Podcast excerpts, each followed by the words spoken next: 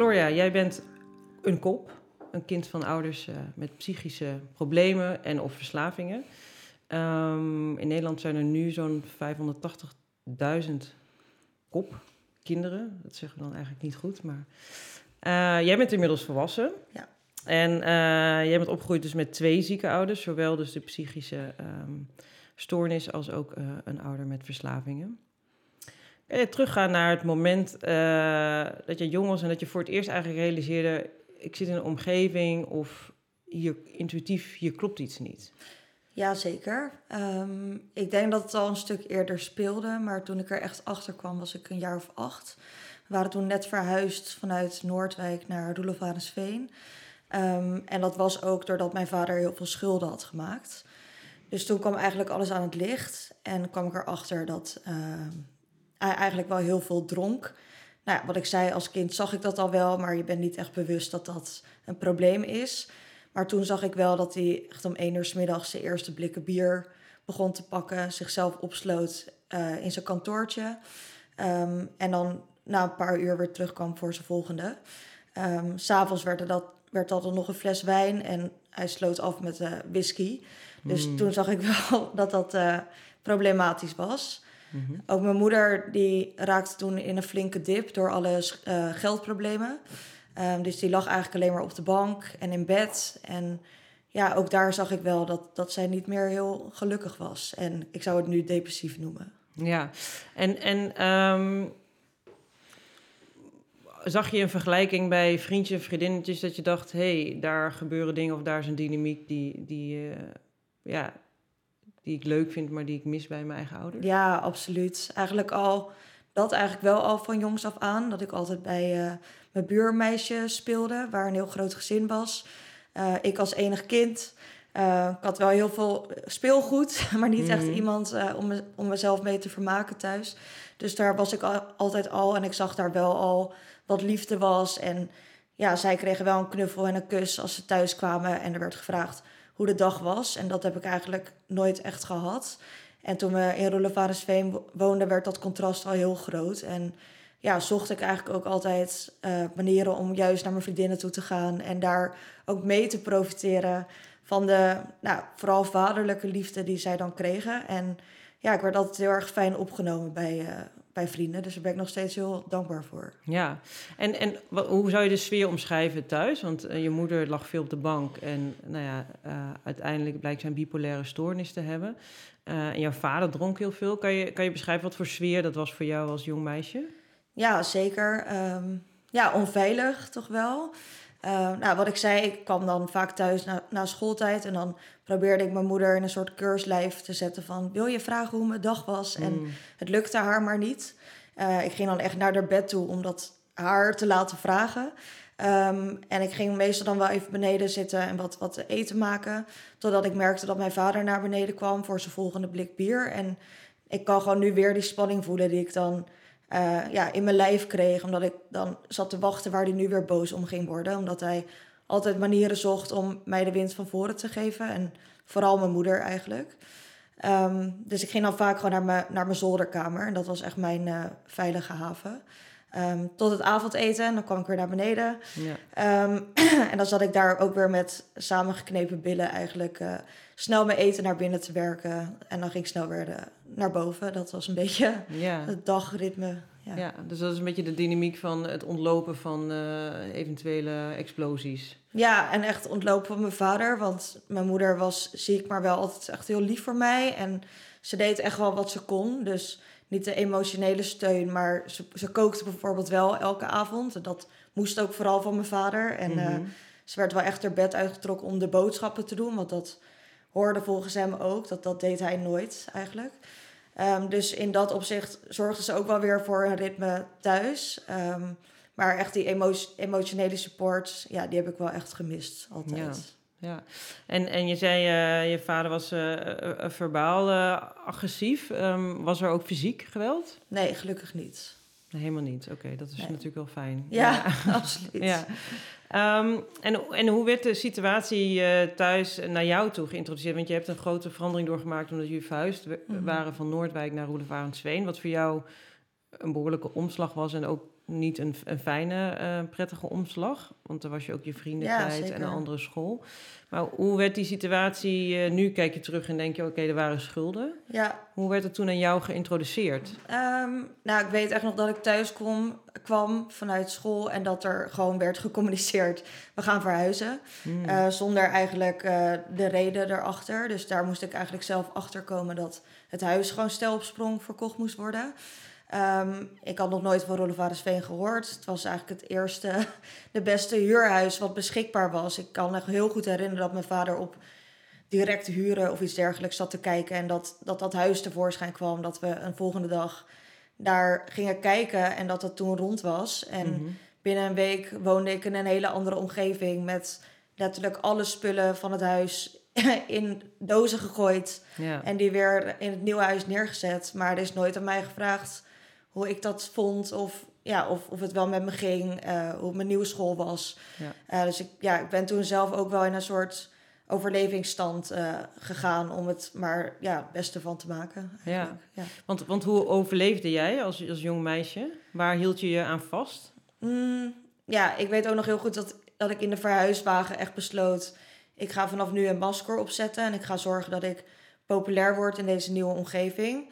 Eh, want in Noordwijk, ook had ik het zelf niet door... Er werd al, het was al redelijk duidelijk dat het bij mij thuis wel anders was... als ik kijk naar mijn kleding en mijn kortgeknipte haar... en mijn tanden niet gepoetst. Dus je zag al wel een stukje verwaarlozing eigenlijk. En dat werd wel opgemerkt in het rijkere Noordwijk. Mhm. Noordwijk. Ehm, dus in Roelevarensveen ging ik er ineens heel hip uitzien en was ik ineens mondig. En ja, ging, het ging ik het daar een beetje op gooien. Ehm, Ja. En ja, vriendschap is me altijd gewoon heel goed gelukt. Daar ben ik heel blij mee. Ehm, dus ja, echt vooral focussen op vriendinnetjes en eh, niet thuis zijn eigenlijk. Want, want hoe deed je het op school? Ja, op school ging het heel goed. Dat was eigenlijk ook wel iets eh, waar ik me heel erg aan vast kon houden. Ehm, in Noordelijk was ik de beste van de klas. Dat, dat werd wel iets minder in Roelevarensveen. Dat vind ik nu ook logisch als je zoiets traumatisch eh, Hmm. meemaakt. Maar ik heb altijd wel goed mijn hoofd boven water gehouden op school. En ik denk ook dat dat een van de redenen is waarom er nooit aan de bel is getrokken van, door een leraar of iets dergelijks. Omdat ik functioneerde in principe gewoon eh, goed in de buitenwereld. Ja, maar en, want je zei, ik zocht dan wel eens die veilige plek op zolder op. Ja. Ehm, waarin voelde jij het contrast van het meisje op school en het meisje wat boven op zolder eh, zat uit angst voor? Ja, ehm, nou, ik zie wel daar een heel verdrietig meisje zitten die zich heel erg alleen voelt. En nou ja, zeker als enige kind kon het met niemand delen. En ehm, ja, ook nu hoor ik weer de harde geluiden van beneden. Want mijn ouders gingen dan altijd s'avonds film kijken. Dat was dan hun ritueeltje. En vanaf de avond begon mijn moeder ook altijd mee te drinken met mijn vader. En dan zette ze keihard de televisie aan, Hmm. waardoor ik ook niet kon slapen. En ik weer naar beneden moest schreeuwen of het wat zachter kon. En daar werd dan niet naar geluisterd. Dus ik voel nu ook heel veel ja, disrespect eigenlijk richting mij. En ja, ik voelde me totaal niet serieus genomen door mijn ouders eigenlijk in mijn behoeften. Ja. Ja. En je zei, de omgeving had in Noordwijk eh, voor jouw gevoel wel door van... hé, hey, ik, ik zag er misschien wat anders uit of minder verzorgd. Ah, kreeg je wel eens opmerkingen van vriendjes, vriendinnetjes... of van misschien eh, leraren, zo van... hé, hey, eh, gaat het oké? Of... Mm, ja, leraren dus niet echt. Dat, dat is eigenlijk pas in mijn studietijd toen het slechter ging met mij. Mhm. Ehm, maar ja, wel ouders. Maar ja, wat ik zei, ik functioneerde in principe Ja, prima. Ehm, mijn tante heeft wel één keer aan de bel getrokken en die heeft me op een kopgroep gezet. Dat was eigenlijk toen het heel slecht ging met mijn moeder. Ehm, en dat is eigenlijk wel de enige keer dat iemand echt heeft ingegrepen of er naar heeft gevraagd. Ik denk ook wel, mijn vader was een hele dominante man. Ehm, misschien is er wel vaker aan de bel getrokken, ook richting mijn ouders, maar dat, dat weet ik dan ook gewoon niet. Nee. En eh, hulp werd vooral niet aanvaard eh, thuis. nee, bij jullie was het gewoon goed en perfect. Ja, ik denk ook echt dat mijn vader daarvan overtuigd was of Ja. zo. Ja. Die eh, leefde echt in zijn eigen realiteit. En ja, er kwam ook geregeld een deurwaarder langs bijvoorbeeld. En dan zei hij, nou, verstop even je laptop. En dan eh, ging hij ook in een soort overlevingsstand. En dan was het vaak wel weer geregeld na een uur of zo. En dan had hij daarna weer geld en ging hij uit eten. Dus het was, ja, ook dat was heel onveilig eigenlijk. Van, ja, ik snapte, ik snapte niet zo goed waar ze nou mee bezig waren. Nee, je Ja. kreeg er niet echt grip op van eh, hoe, hoe komt hier geld binnen, waarom hebben we ineens geen geld? Ja, En, ja. nou ja, en echt op je achtste al daar bewuster mee bezig zijn dan je ouders eigenlijk. Van hé, hey, maar we moeten toch rekeningen betalen? Waarom gaan jullie naar de Chinees? ja, ja, ja. Naar het Chinese restaurant? Ja, dat was, daar werd ik altijd heel boos om. Maar ook daar werd niet naar geluisterd eigenlijk. Nee, nee. En, en ehm, was je open naar vriendje en vriendin? Je zei, ik had altijd wel vriendschappen. Dan ga je bij elkaar spelen. Hoe, hoe, ging dat bij jou? Ja, ik denk dat we het niet heel erg bespraken. Zeker niet echt in de puberteit. Alleen mijn vriendinnen wisten heel goed dat er wel wat aan de hand was. Want je zag het ook gewoon echt aan ons huis. Eh, de gordijnen waren altijd potdicht. Dat was een soort ding van mijn vader. Mhm. Om maar geen pottenkijkers te hebben. Eh nou, er binnen hartstikke veel gerookt. Alle ramen dicht. Ehm, het was gewoon vies eigenlijk. Maar mijn vriendinnen vonden het altijd wel heel erg leuk om bij mij te komen. Ehm, dus het was vooral ik die heel erg gespannen was bij... oh, ze komen nu... eh, nou, ga maar niet via de woonkamer, want dan ontlopen we mijn vader. En ga maar meteen naar zolder. Dat was altijd mijn strategie. Ja. Maar dat vonden ze geweldig, want dan ja, jat ik wel wat whisky van beneden... of eh, wat check of ja, zo. ja. En eh, ja, je mocht bij mij gewoon op zolder mocht je roken. Dus ja, als je 14, 15 bent, is dat één groot feest natuurlijk. Ja, dus daar zit nog een stukje aantrekkelijkheid die jij kon bieden. Ja, ja, achteraf zegt ze ook wel van, oh ja, zo erg dat ik het toen niet zo inzag. Nee. En ik zei, ik ben heel blij dat jullie dat niet zagen, want daardoor namen jullie mij compleet zoals ik was. Precies. En nu zijn jullie er voor mij, nu ik het eh, aan het verwerken ben. Ja, ja, ja, Ja. En want je zei in de puberteit dan, ja, dan verander je zelf ook. En eh, je bent je nog meer bewust van eh, de setting waarin je opgroeit. Ehm, waren daar nog momenten dat je dacht van, hé, hey, het gaat echt goed mis hier? Ja, mijn moeder heeft twee keer ook een zelfmoordpoging gedaan. Dus dat zijn wel echt de momenten dat, je, ja, dat het echt heel slecht ging. En nou, eentje was al vlak na de verhuizing. Maar ook toen ik 12 was eh, in de brugklas. Ik was toen ook met een, een vriendinnetje. Dus ja, zeker had ze door dat er wat aan de hand was. Mhm. Ehm, en mijn moeder had zichzelf binnengesloten, dus wij, wij konden er niet in. En nou ja, ze moest wel thuis zijn, want ze deed verder niet zoveel. Of ze moest naar de supermarkt zijn, maar de fiets stond er. Dus ik raakte toen ook wel meteen in paniek, om- omdat ik echt nog ja, dat trauma van, eh, van mijn achtjarige nog eh, in me had. En toen ja, bleek ze weer voor de tweede keer eh, medicijnen in te hebben genomen. Ehm, maar gelukkig beide keren niet genoeg om te overlijden. Mhm. Ja. Maar hoe is dat als twaalfjarige om dan je moeder zo te vinden en te weten dat ze dus eigenlijk er niet meer wilde zijn? Ja, heel heftig natuurlijk. Ja, je betrekt het ook wel op jezelf. Van eh, waarom wil mijn moeder niet op deze wereld blijven? Want ik ben er toch. Ehm, ja, het is wel moeilijk om op die leeftijd te beseffen dat depressie gewoon een ziekte is. Waarbij je eigenlijk geen andere uitweg ziet. En dat snap ik nu heel goed. Van dat het echt uit de ziekte voortkwam. Maar op dat moment eh, ja, doet dat wel heel veel pijn. En draagt dat niet echt bij aan, aan je eigen zelfvertrouwen. Nee. Ehm, aan de andere kant heb ik haar wel heel vaak aangemoedigd ook om weg te gaan bij mijn vader bijvoorbeeld. Omdat ik echt zag hoe hij haar kleineerde. En ik eigenlijk ook gewoon daarin niet begreep waarom ze bleef. Ehm, dus ik zag ook wel weer een stukje kracht en ja, eigenaarschap eigenlijk toen ze dat deed. Van, oh, ze heeft, voelt ergens toch wel de moed om wel een keuze te maken. Ook al is dat een hele heftige en definitieve. Maar het, gaf, ja, het zorgt ook voor een stukje respect, gek genoeg. Ja, ja. Ja. ik snap dat. Ja. Ja, Hey, en je vertelde net nog even, je was ook in een kopgroep eh, Ja. gezet door jouw tante. Ehm, wat was dat voor ervaring? Wat was dat voor groep? Ja, dat was wel heel fijn. Dat was in eh, Leiden en ik zat met acht andere kop, kof. Ehm, en ja, dat was wel voor het eerst dat ik realiseerde dat er meer mensen waren zoals ik eigenlijk.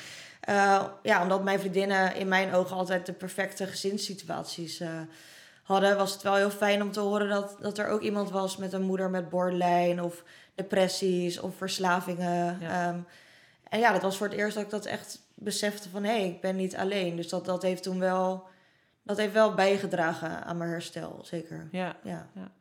En waren er voor jou ook eh, ja, liefdevolle momenten? Waarin zag je van, hé, hey, tussen alle drank en, en, en zware momenten... of de momenten dat mijn moeder op de bank ligt... Ja. zitten er ook... Ze houden toch wel van me. Nou ja, mijn moeder deed wel op haar manier haar best. Dus ja, die was er echt wel voor mij. Ehm, ja, ik kan me ook nog heel goed herinneren dat ik wel altijd Desperate Housewives met mijn moeder keek, bijvoorbeeld. Waar ik nog steeds heel veel zin heb om het weer te kijken voor de zevende keer. Dus dat, Ja, dat ja. blijft wel dan een soort dingetje. Ehm, ja, tussen mijn ouders lastig te zeggen, maar toch ook wel, ja, ze bleven toch wel bij elkaar. Dus ergens steunen ze elkaar wel in voor- en tegenspoed. Ehm, en bijvoorbeeld op Valentijnsdag of met, als ik wist dat hun anniversary er was, dan forceerde ik ze om elkaar een kus te geven. Mhm. Omdat dat weer vanuit mijn eh, visie kwam van zo hoort het. Eh, en dan deden ze dat ook wel. En ja, ook met mijn vader, als ik echt terugkijk naar Noordwijk, was ik echt papa's kindje. Eh, hij had het ook hartstikke goed voor elkaar. Was programmeur bij een ruimtevaartorganisatie. En ja, toen keek ik wel heel erg tegen hem op. En nou, wat ik zei, ik kreeg heel veel speelgoed altijd. En ik ging ook elke zondag met mijn vader zwemmen, kan ik me nog herinneren. Ja. Dus ja, wat ik weet was hij in het begin heel happy met Ja, mij. ja. En waarschijnlijk altijd wel. Alleen is na een tijdje lukte het hem gewoon niet meer. Nee. Wa- Was er ook een soort moment dat je dacht, oké, maar ik, ik moet hier weg? Of dit, dit helpt mij niet meer? Ehm, Ja, zeker. Ik wilde al heel lang wel het huis uit. Maar door alle schulden leek dat een soort onmogelijk of zo. mhm. Uh, maar toen ik twintig was, uh, ja, heb ik wel echt de moed bij elkaar verzameld om, om weg te gaan. Um, en naast die schulden vond ik het ook gewoon heel lastig om mijn moeder daarachter te laten. Ik voelde me ontzettend verantwoordelijk voor haar welzijn. Uh, ja, straks gaat ze weer zichzelf wat aandoen. Uh, redt ze het wel met mijn vader als ik niet voor haar opkom. Dus ja, die overtuiging had ik wel heel sterk dat ik de boel draaiende moest houden thuis.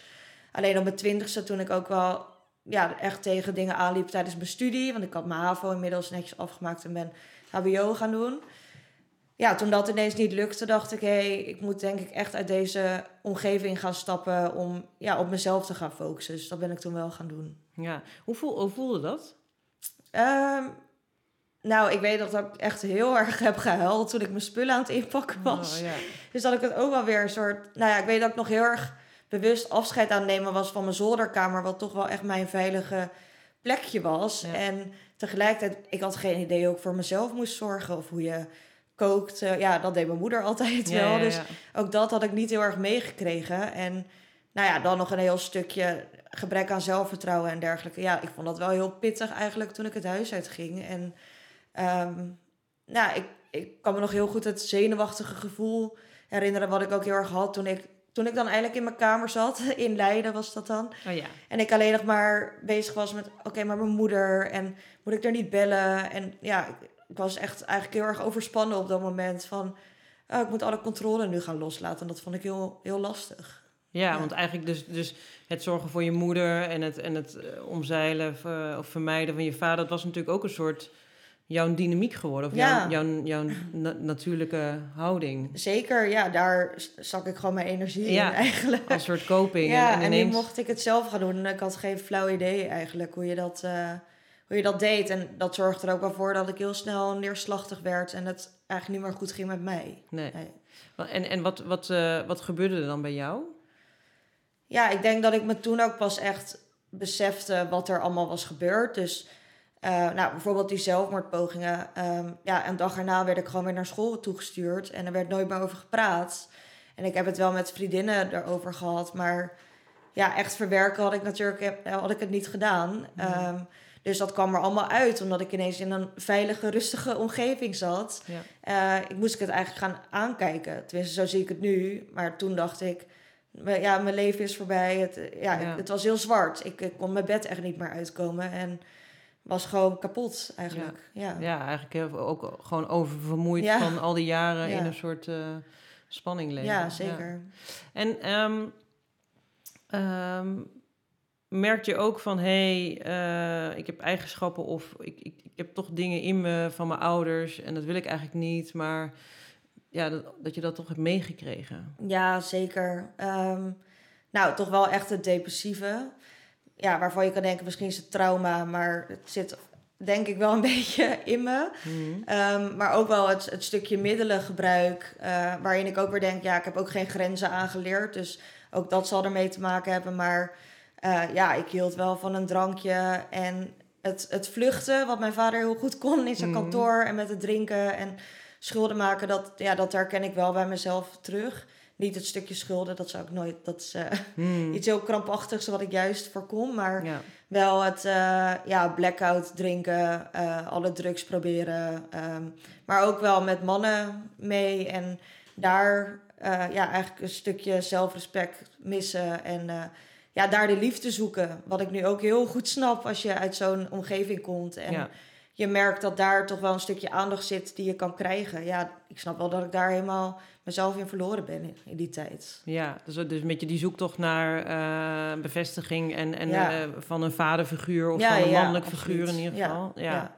En, en was daar op een gegeven moment, is er een soort kantelpunt gekomen dat je realiseerde, oké, maar nu, eh, ja, dit werkt eigenlijk ook niet voor mij.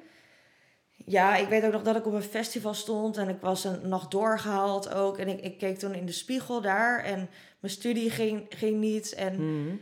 toen realiseerde ik me ineens van... oké, tuurlijk, er is me heel veel aangedaan... maar ik ben ook wel gewoon verantwoordelijk voor mijn eigen leven. Ik denk dat ik toen een jaar of 22, 23 was. En ja, als ik zo doorga, dan ga ik misschien wel dezelfde kant op. En dat Ja. is wel het laatste wat ik wil. Ehm, dus toen realiseerde ik me wel van... nou, oké, nu moet ik echt mijn schouders eronder gaan zetten. en ja, gewoon weer even het goede pad op eigenlijk. Ja. Ehm, en dat, nou, dat besloot ik op zaterdag en dat ben ik op maandag ook echt gaan doen. Mm. dus dat vind ik ook wel weer een mooie eigenschap aan mezelf. Dat ik wel altijd heel doelgericht ben en mezelf weet te redden eigenlijk. Ja. En toen ben ik echt eh, alle vakken gaan inhalen, mijn minor gaan doen, eh, stage gaan lopen. En uiteindelijk eh, afgestudeerd. Dus eh, ja, dat is wel, daar ben ik heel blij om Ja. dat dat besef er was. Voelde dat ook echt als een soort richting van of ik ga de kant op van mijn ouders. Was het, was het ook Mm. zo zwart-wit voor jou? Ik denk niet dat dat ooit dat ik ooit echt bij de kant van mijn ouders op zou gaan, omdat ik al vanaf mijn achtste besloot, dit wil ik niet. Hmm. Uh, maar het is een, een angst en dat, dat zit er eigenlijk nog steeds. Dus wat ik zeg, ik zorg echt niet dat ik schulden Nee. heb. Uh, ik heb inmiddels mijn regeltjes qua drinken. Ik zal nooit in mijn eentje een glas wijn inschenken. Uh, door de week eigenlijk zo goed als niet. Um, nou, drugs heb ik nu helemaal, heb ik helemaal afgezworen. Dus, en ook qua ja, dan meer de depressiekant. Uh, voel ik heel veel weerstand bij als het, als het weer gebeurt eigenlijk. Um, maar ik probeer dat ook wel steeds meer te omarmen. Dat het wel een deel is van mij. Dat ik wel echt zwarte ja, dagen ken. Ja. Uh, Ja. Maar ook wel hele mooie gekleurde. Ja, Ja. de andere kant. Ja. Want, want ik kan me voorstellen dat je ook op een gegeven moment heel erg boos wordt. Dat je denkt, waarom heb je... eh, Dat je gedacht hebt van, waarom heb je überhaupt mij gekregen? Want Zeker, ik heb me lang afgevraagd van, was ik geen ongelukje? of, uh, ja. Ja, als ik dan ook naar mijn vader keek en dan naar zijn vrienden... die ook wel redelijk dezelfde levensstijl hadden en absoluut geen kinderen... dan, ja, dan krapte ik mezelf ook wel echt achter mijn hoofd van... waarom heb jij wel Ja. een dochter? Dat, dat snap ik eigenlijk ook nog steeds niet zo goed. Maar ja, ik weet nu wel dat ze mij heel graag wilden... Um, maar ik ben absoluut boos geweest. En zeker toen ik ook mijn, mijn examens had gehaald, of mijn diploma had gehaald. En ik, ik ze nog een kans had gegeven van... Uh, nou, willen jullie dan naar de uitreiking komen? Echt, ja, toch een soort het gezin Ja. uh, willen zijn. Uh, ja, die we eigenlijk niet meer waren. Want ik zag ze toen al wel een stuk minder. Want dat was ook wel, toen ik het huis uit ging, besloot ik van... Nou, ik moet ook wel echt even afstand gaan nemen van mijn ouders... om die focus uh, te vinden op mijn studie.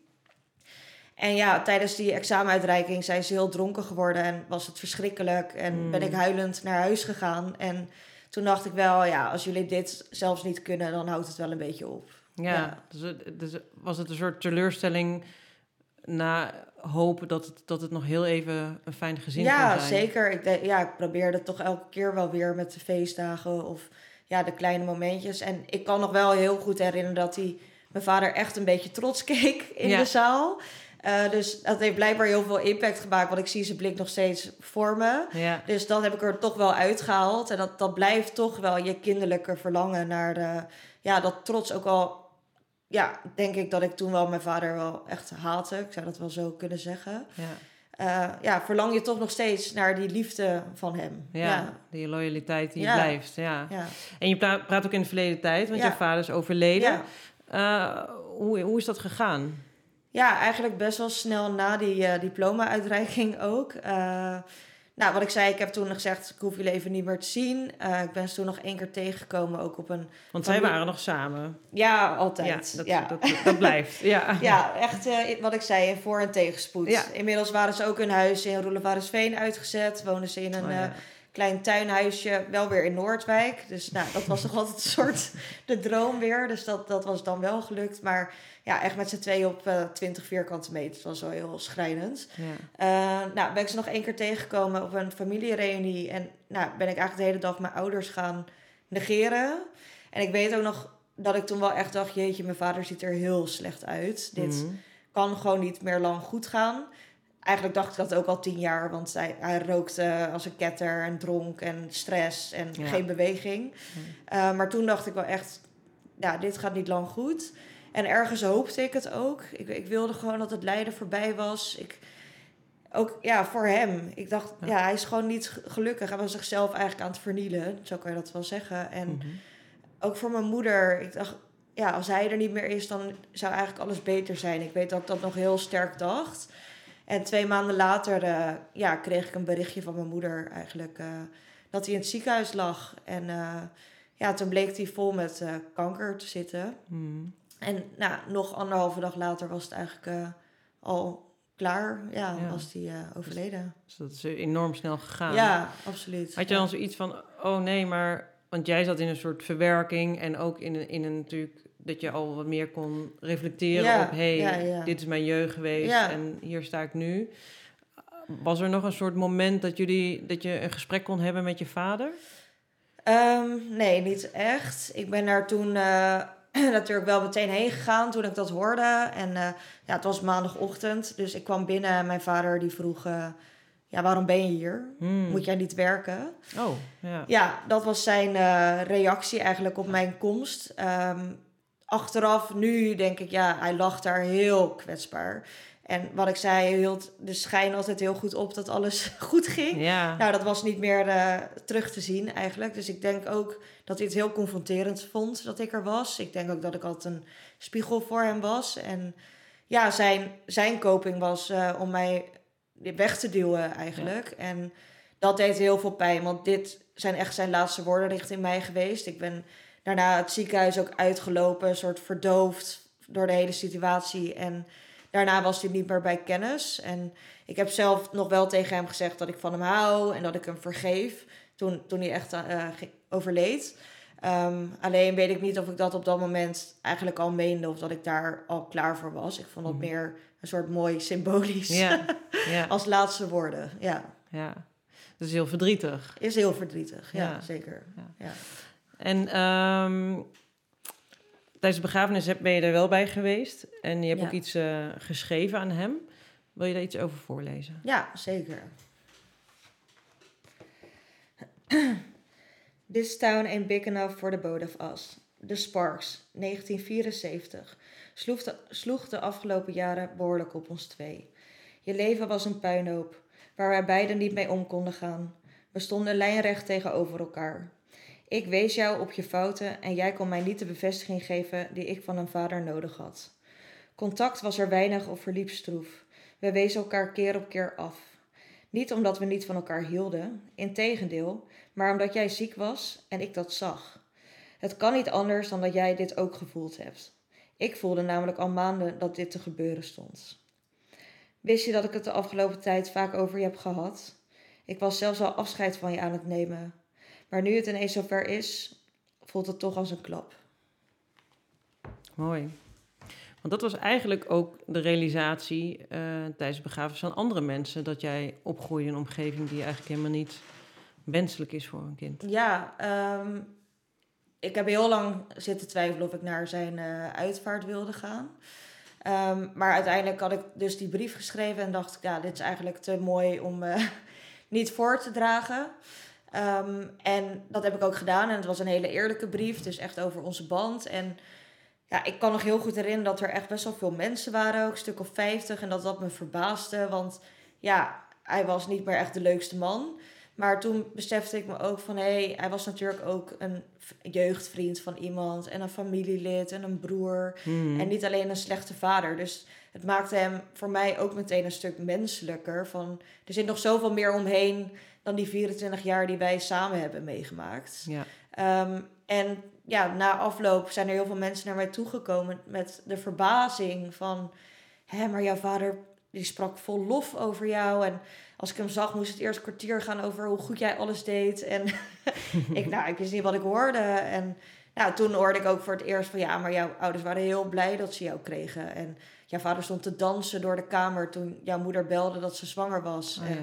Nou, hij hield heel veel van jou. En nou, ik weet dat ik daar een soort kortsluiting van kreeg. Eigenlijk van, huh, was er wel liefde? Ehm, Ja. Het was veel overzichtelijk, ja, overzichtelijker om te denken dat hij mij ook haatte. Want ja, dat, dat was een goede reden waarom hij zo tegen mij deed. Maar Ja. als dit uit liefde kwam, dan snap ik er echt niks meer van. Nee, dan begrijp je niet. Nee. Nee. Want, want, eh, want je gaf het al aan, hè? dus in het begin van de puberteit en, en, en toen jong was, dan ging je natuurlijk ook manfiguren zoeken Ja. in de omgeving. Voor veel kop is het ook lastig om intieme relaties aan te gaan vanuit die onveilige hechting. Hoe, hoe was dat voor jou? Ja, ik, eh, nou wat ik zei, ik verloor mezelf wel in de mannen, maar qua vriendjes heb ik altijd wel de goede eruit ge- gepikt, gelukkig. Eh, ja, mijn eerste relatie kreeg ik op mijn zeventiende.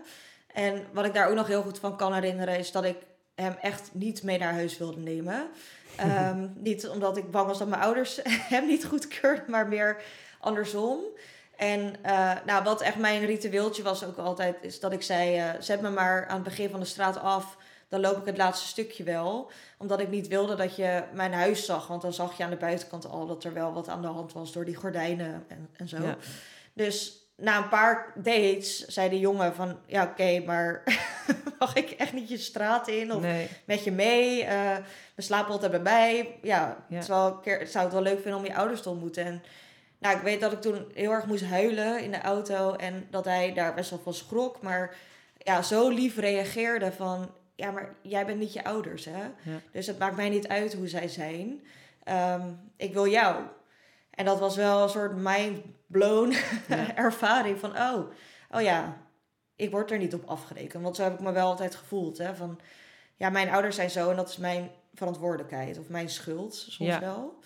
Ehm, en ja, ik weet nog dat hij meeging en op de een of andere manier klikte hij ook wel met mijn vader. En eh, gingen ze samen whiskietjes drinken op de bank. En hij, Oh, nam, hij nam mijn vader vooral niet zo serieus. Nee. Ehm, en ik weet ook nog wel een moment dat mijn vader ehm, mij uitschold of naar mij schreeuwde. En dat dat vriendje ook wel echt voor mij opkwam.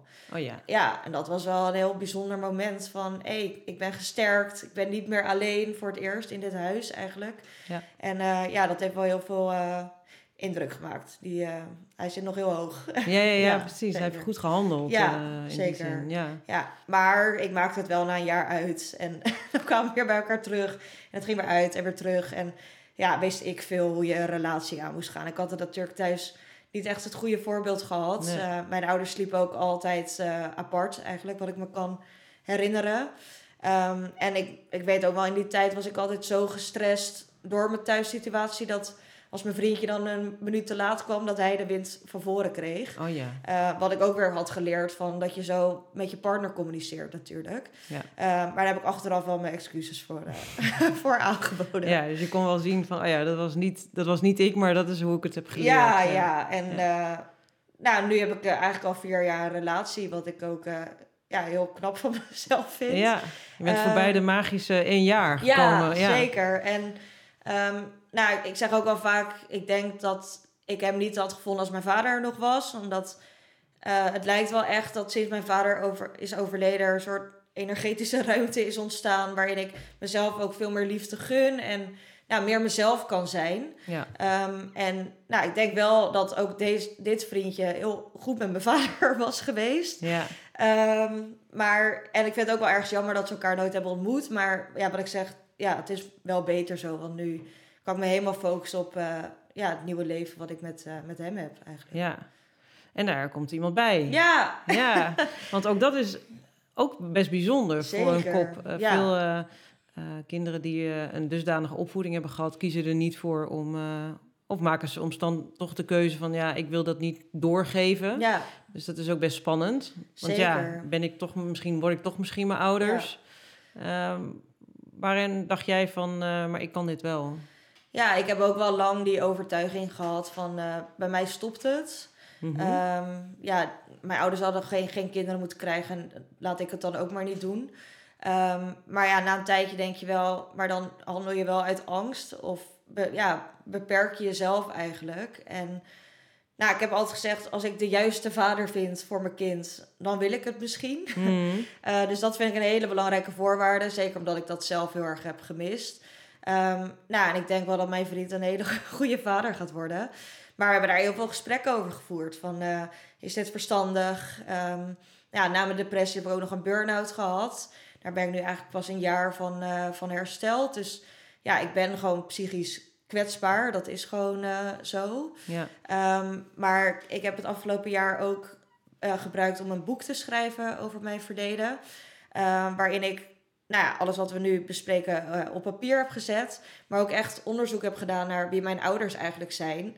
Eh, nou ja, mijn vader is overleden, maar ik wist eigenlijk nog steeds niet wie hij nou was. En wat er achter zijn eh, gebruik, ja, drankgebruik eigenlijk zat. En ik ben er ook achter gekomen dat hij ook een hele heftige jeugd heeft gehad. Dus ja, familietrauma, dat zit er zeker. Ja. Ehm, maar ik weet ook dat ik daar zo bewust van ben. En ik heb heel veel therapie gehad. Ik heb eh, heel veel EMDR ook gedaan. En dat ik ook wel besef van ja, maar ik ben wel mijn eigen persoon. En ik heb het recht op geluk. Ik denk Ja. dat dat iets is wat echt pas dit jaar een beetje is gevallen in mijn hoofd. Van eh, dit is niet mijn lot. Eh, dit was mijn lot. En dat heeft blijkbaar zo moeten zijn. En hopelijk kan ik daar anderen weer mee helpen met mijn ervaringen. Maar ja, ik heb het nu wel weer zelf in, in de hand dat ik echt wel gelukkig mag zijn en het anders mag gaan doen. En Ja. nou ja, dat eh, is ons eh, gegund. Ja, blijkbaar. ja, inderdaad. Ja. Ja. En ehm, wat, wat, wat heeft jou geholpen om mee te dealen? Je zegt, ik heb een boek geschreven. Ja. Hè? Dus ik wou dat Stef Bos eh, mijn vader was. Ja.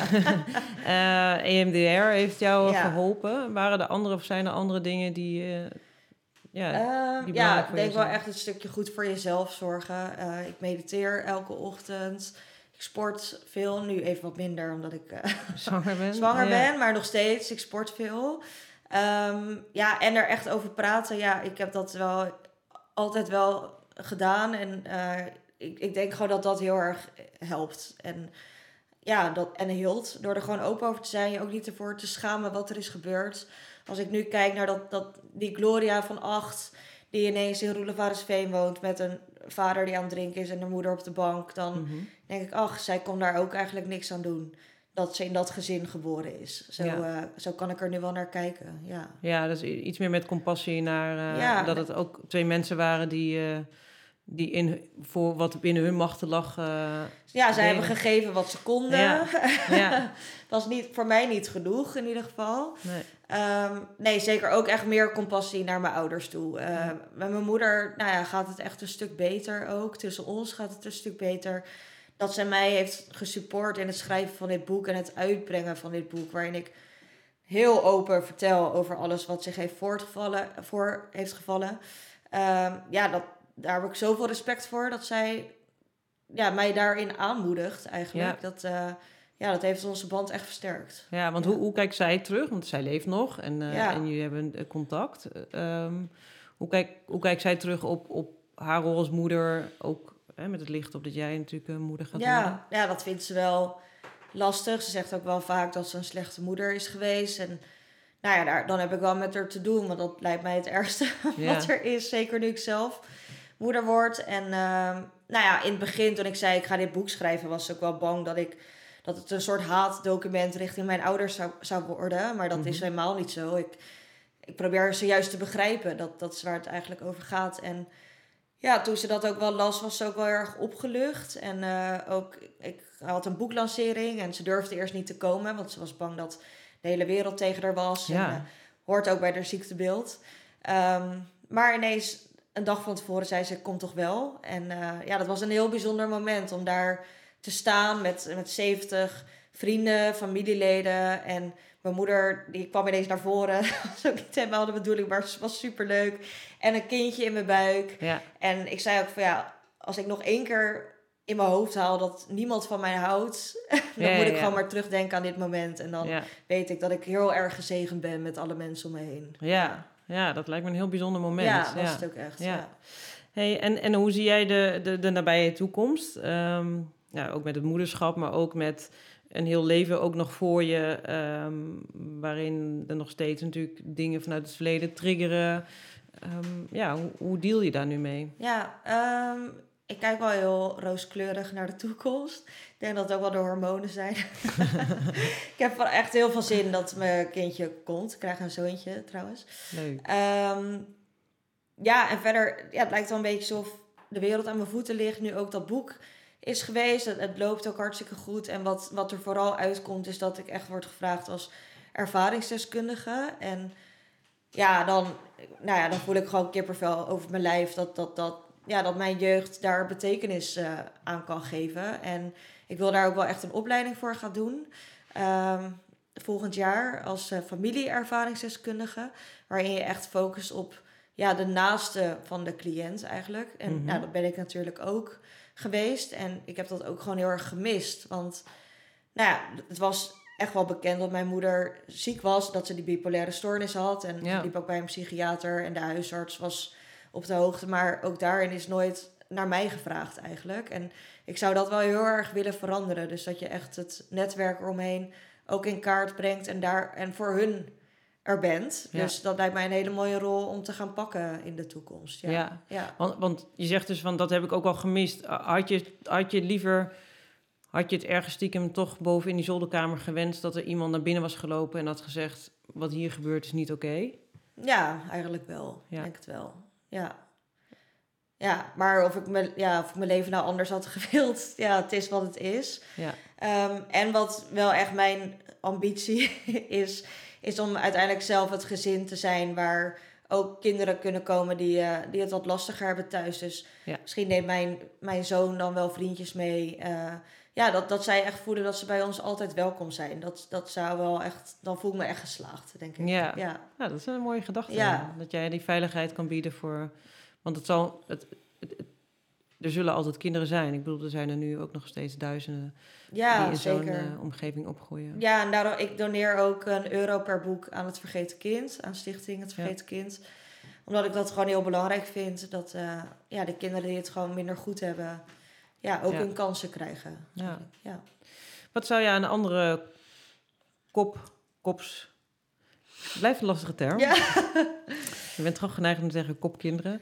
Maar wat zou je aan andere kinderen die in zo'n situatie opgroeien... wat zou je ze mee willen geven? Of zou, wat, waarvan je zegt, nou, dit wil ik in ieder geval Ja. aan je zeggen. Nou, je bent niet alleen.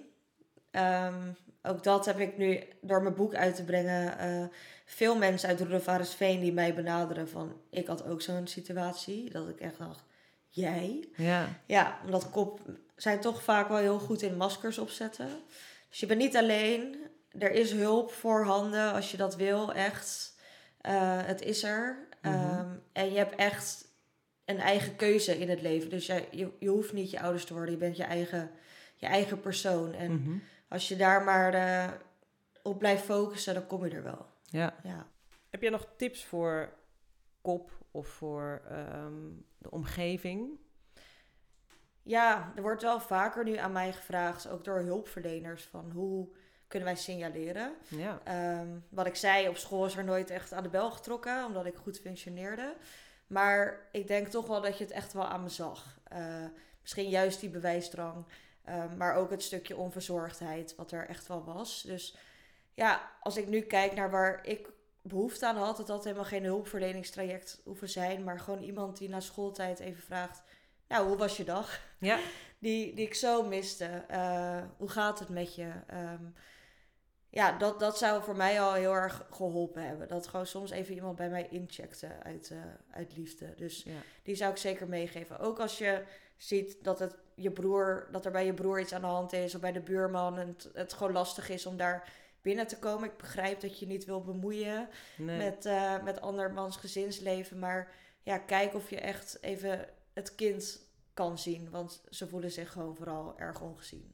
Ja, dus Ja. dat je ertoe doet. En nou, maakt niet uit welke rol je dan hebt, maar dat je... Ja, gewoon even. Ja, ik kan nog heel goed herinneren dat ik altijd langs de oude buurman fietste. Die altijd even naar me zwaaide. En Ja. ook eh, toen ik bij de plaatselijke supermarkt werkte, altijd even een praatje met me kwam maken. Nou, Ja. hij staat ook in mijn boek verwerkt, dus hij heeft best wel wat indruk gemaakt. Gewoon die kleine dingetjes, dat is zo, dat kan al zoveel helpen. Ja. En, en voor een kind, die in zo'n situatie zit, eh, wat, zou je diegene meegeven? Ja, dus je bent niet alleen. Ehm, er zijn echt genoeg gezinnen. Nou, je hebt de cijfers genoemd. Ja, Eh, ja, kijk of je bij zo'n lotgenotengroep eh, terecht kan. Want het is Mhm. heel fijn en verbindend om er met mensen over te praten die het ook hebben meegemaakt. Maar ook, ja, praat er ook alsnog over ja, met je omgeving. Je hoeft je echt niet te schamen voor waar je vandaan komt. Jij kan er ook niks aan doen dat je ouders zo zijn. En Mhm. Ja, weet dat het echt goed kan komen. Ja. En, eh, en vergeef jezelf als het ook even minder gaat met jou. Want dat is heel logisch. Want je hebt het gewoon best wel zwaar gehad thuis. En niet het juiste voorbeeld gehad. Dus als ik nu terugkijk. Ja, ik heb ook niet goed voor mezelf gezorgd. Ik, ik ben in een depressie beland. Maar ja, ik snap nu wel hoe dat kan. En nog steeds heb ik mijn angsten en mijn onzekerheden. En een veel te hoog verantwoordelijkheidsgevoel. Ehm, en ja, daar moet je maar mee leren leven eigenlijk. Dus probeer jezelf daar ook echt in te vergeven en eh, jezelf te accepteren dat je het soms misschien wat, wat lastiger vindt dan iemand die wel helemaal gezond is gehecht. Ja, maar dat het dus oké is. Het is oké. Okay. Ja. ja. Dankjewel voor dit gesprek. Dankjewel.